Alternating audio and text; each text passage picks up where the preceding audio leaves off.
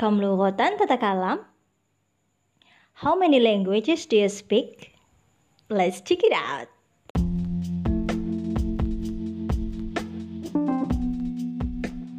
Hai, Assalamualaikum warahmatullahi wabarakatuh It's me again Buat kamu yang sudah sering dengerin podcast Terima kasih untuk terus menantikan episode baru Dan buat kamu yang barusan mampir ke podcast ini Kenalin, saya Lia Alif Well, saya mau cerita um, Pengalaman saya belajar bahasa asing.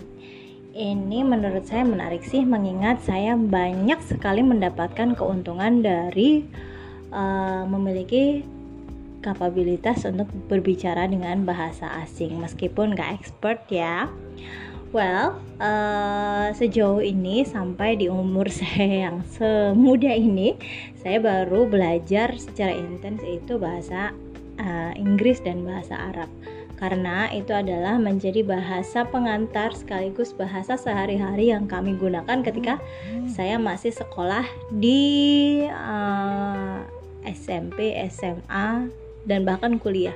Karena basis uh, sekolah saya adalah keagamaan di mana boarding schoolnya menggunakan dua bahasa tersebut sebagai bahasa pengantar. Menarik ya. Uh, saat itu ketika saya masih SD bahasa Inggris belum diperkenalkan dalam mata pelajaran SD ya beda sama sekarang dulu saya sangat curious sekali sama bahasa Inggris karena uh, ngelihat orang ngomong bahasa Inggris, lihat film bahasa Inggris, kemudian lagu bahasa Inggris tuh uh, tetangga-tetangga bahkan orang-orang di sekitar saya kok bisa ngikutin ya. Dan dari situ saya kepo, kok bisa ya sampai-sampai uh, saya mereka-reka hmm, bagaimana berbicara dengan menggunakan bahasa Inggris. Nggak jelas mambling-mambling tapi it's fun sih. Kemudian saat SMP saya difasilitasi dengan uh, ma'had atau boarding school. Saya sekolah di Pondok Modern Selamat, lokasinya ada di Kendal, Jawa Tengah. Saya alumnus sana. Uh, saya sekolahnya MTS bukan SMP ya. Jadi MTS itu setara dengan SMP dan dia uh, penekannya ini pada pelajaran agama. Di sana kami diperkenalkan dengan namanya hitobah. Ya, hitobah itu kayak semacam speech dia menggunakan beragam bahasa bahasa Indonesia bahasa Inggris dan bahasa Arab nah, jadi kami bergiliran ketika sudah sampai jadwalnya akan uh, maju di podium kemudian berbicara di depan teman-teman sekelas seru seru banget Kemudian selain itu juga ada uh, kami uh, mempelajari beberapa literatur dari berbagai bahasa, bahasa bahasa Arab dan bahasa Inggris. Tentu saja dengan pendampingan seorang ustadz atau guru.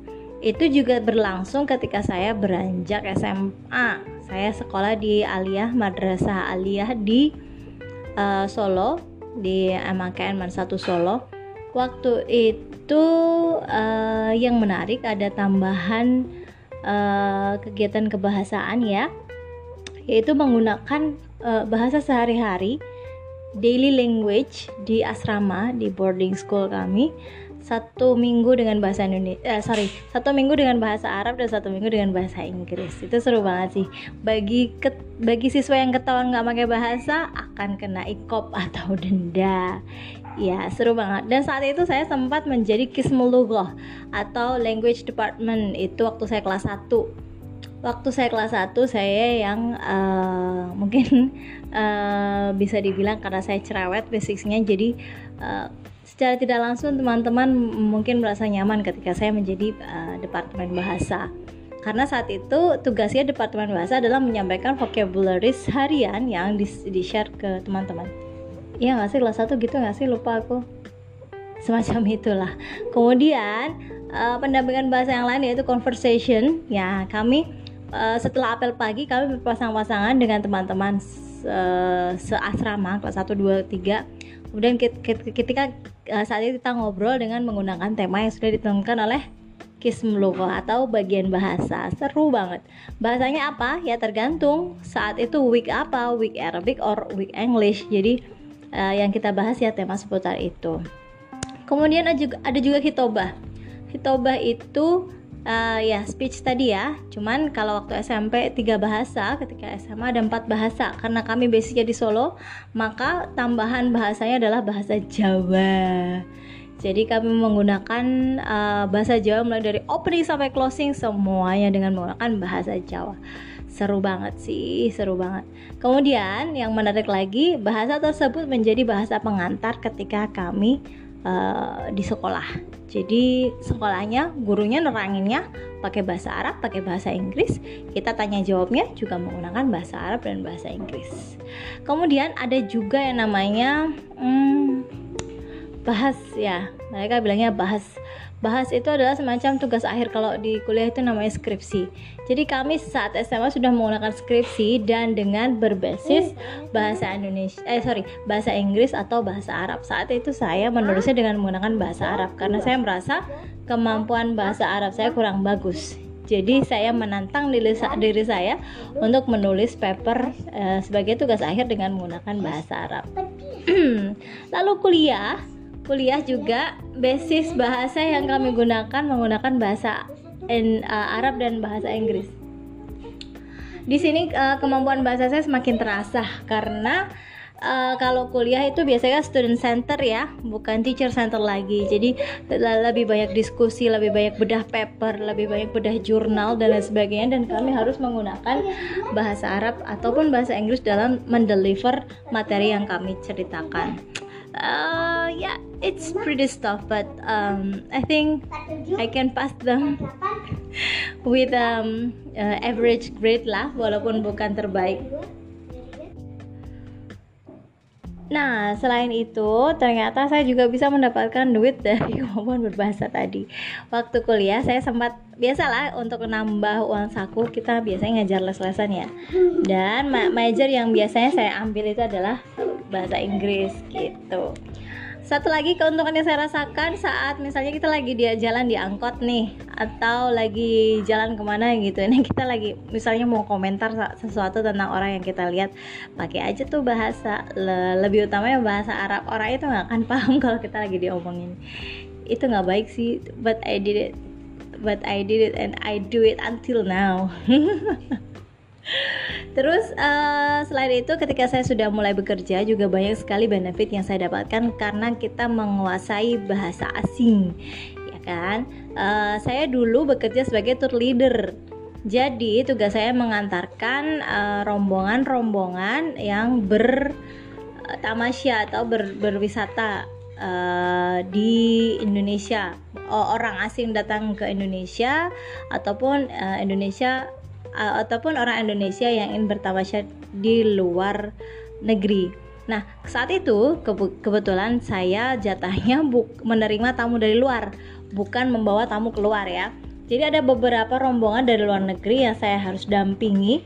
Saat itu adalah yang paling berkesan teman-teman um, dari UPM aduh singkatannya apa ya? Itu dari Malaysia cuman karena di sana banyak beragam studentnya. Nggak cuma dari Malaysia saja uh, ada dari Qatar ada dari Korea dari Amerika ada nggak ya? Beragam gitu. Mereka adalah uh, siswa S2 dari Indonesia juga ada. Dan Indonesia juga ada. Jadi teman-teman um, dari Undip kemudian mendapatkan beasiswa untuk melanjutkan S2 di UPM saat itu kebetulan saya juga lagi mengambil S2 saya. Jadi ngobrolnya nggak terlalu kebanting lah ya. Nah dari situ um, kami me, saya mengantarkan rombongan ini sedikit banyak menggunakan bahasa Inggris. Karena kalau uh, untuk menggunakan bahasa Malaysia, bahasa Melayu itu uh, kadang kita pemahamannya nggak matching gitu kan. Jadi beberapa uh, saya deliver dengan menggunakan bahasa Inggris sebagai tour leader.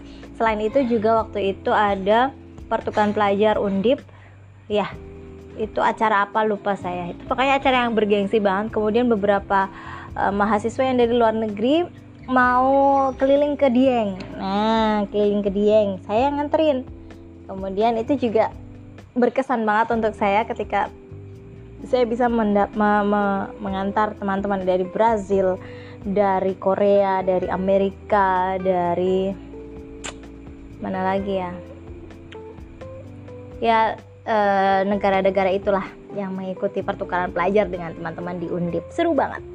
Nah, selain itu, selain menjadi tour leader, saya juga menjadi penyiar radio waktu itu, radio kampus. Karena uh, menjadi penyiar radio dan menjadi presenter di TV lokal.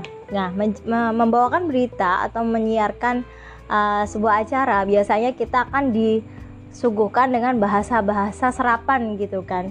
Bahasa-bahasa yang sesungguhnya bukan bahasa Indonesia kemudian tapi diserap menjadi bahasa Indonesia dan kemampuan berbicara dengan bahasa asing itu sangat membantu untuk case-case seperti itu menyenangkan sih nah sampai sekarang uh, saya terkadang rindu ya. Rindu bercakap dengan menggunakan bahasa asing. Um, nah tapi ya saat ini memang tidak ada keperluan apa pun yang membuat saya harus berbicara dengan bahasa asing. Kecuali memang uh, mungkin saya mengisi sebuah tutor atau saya berkomunikasi dan lain sebagainya. Sehingga um, berbicara dengan bahasa asing saat ini tidak per, tidak terlalu terpakai tapi kalau sama suami sering tuh masih ngobrol pakai bahasa bahasa Arab ya karena dia lebih lebih lebih menguasai bahasa Arab daripada bahasa Inggris. Well, ya seperti saya cerita tadi di atas, misalnya kita lagi mau ngomong sesuatu yang orang lain nggak perlu tahu, kita lagi ngobrolin apa, biasanya kita selencoin pakai bahasa Arab. Seru.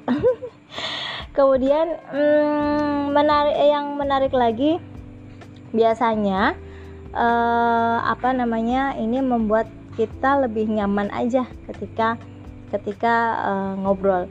Dan uh, manfaat yang masih saya dapatkan sampai saat ini misalnya kita untuk bahasa Arab ya terutama misalnya kita lagi murojaah nih lagi ngaji gitu kan lagi baca baca Quran itu sedikit banyak kita tuh kita sudah terbayang ini ini surat ini ayat ini tuh ngobrolin tentang apa gitu. Kalau misalnya kita kepo tinggal kita baca terjemahnya kan. Tapi uh, tanpa kita membaca terjemahnya tuh udah kebayang oh oh ini ceritanya si sapi betina tuh gemesin gitu kan. Jadi yang lihat tuh seneng gitu kan. Oh ini ceritanya si uh, bapak Imron lagi ngapain gitu kan. Kan seru gitu. Uh, sedikit banyak gitu. Karena memang ketika kita belajar bahasa itu kita belajar budayanya juga gitu kan. Uh, akan berbeda ketika kita uh, ngomong dengan bahasa Inggris dengan bahasa Arab dengan bahasa Indonesia. Itu berbeda berbeda lahjah. Kalau orang Arab bilangnya lahjah. Kalau orang Indonesia mungkin bilangnya intonasi ya. So jadi ketika misal um, ngomong bahasa Indonesia Hi how are you? gitu kan intonasinya tuh dapat Hi how are you? gitu.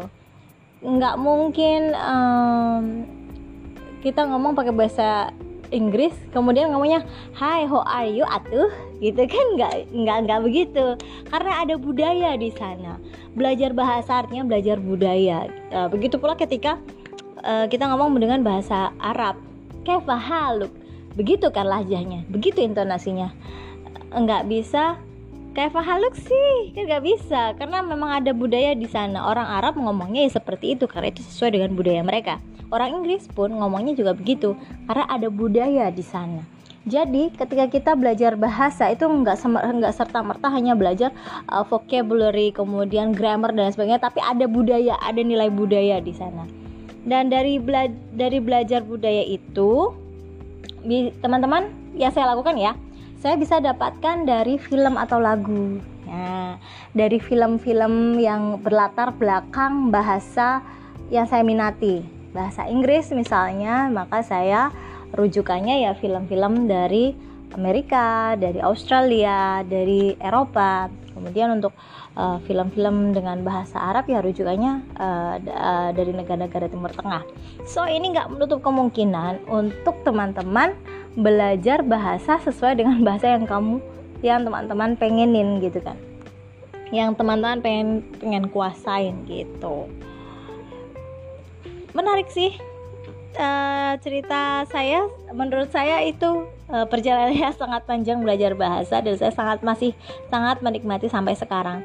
Sekarang nih mungkin karena sudah nggak intens lagi dan kemudian sudah tidak ada kebutuhan untuk menguasai satu bahasa jadi saya merasa kesulitan untuk belajar bahasa baru. Uh, saya lagi kepengen belajar bahasa Prancis karena itu katanya bahasa paling seksi. Au bonjour gitu kan. Salva Biang gitu. Uh, jadi tulisannya sama sama sama uh, pengucapannya sangat berbeda. Tapi dari dari dari dari film yang saya tonton dari lagu yang saya dengarkan saya tidak begitu menikmati. Karena mungkin nggak ada tuntutan apa pun hanya sekedar menikmati saja. Dan juga nggak ada deadline saya harus bisa ngomong ini kapan gitu. Jadi ya so-so lah. Nah teman-teman saya ada nih beberapa tips belajar bahasa sebagaimana yang uh, sudah saya lakuin. Dan menurut saya itu cukup efektif walaupun saya butuh bertahun-tahun untuk belajarnya. Yang pertama belajar dari film dan lagu. Itu adalah media belajar yang menurut saya paling fun paling seru paling santuy dan paling efektif. Kenapa efektif? Karena kita Mm, nggak mm, memikirkan untuk belajar ketika menikmati dua uh, hal tersebut.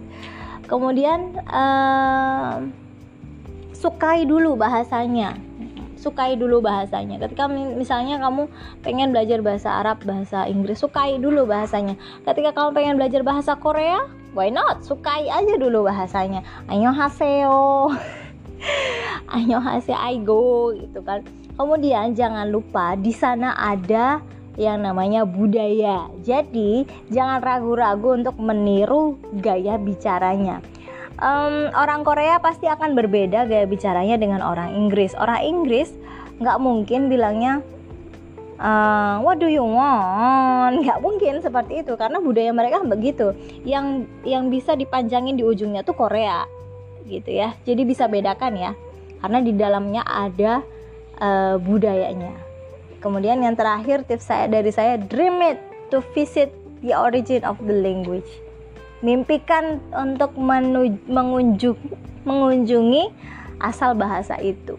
Mengunjungi negara asal bahasa itu. Dan when you dream it, you are visualize it. Ketika kamu memimpikannya, maka sesungguhnya kamu sedang memvisualisasikannya. Gitu. Jadi belajar bahasa itu seru dan bahkan mungkin belajar bahasa itu bisa membuat kamu untuk jalan-jalan ke negara-negara yang kamu pengen. gitu sih cerita saya. Maaf ya kepanjangan. So um, cerita juga dong pengalaman kamu tentang bahasa belajar bahasa atau bahasa-bahasa yang pengen kamu tahu. Terima kasih sudah mendengarkan. Saya Lia standing out. Thank you. Assalamualaikum warahmatullahi wabarakatuh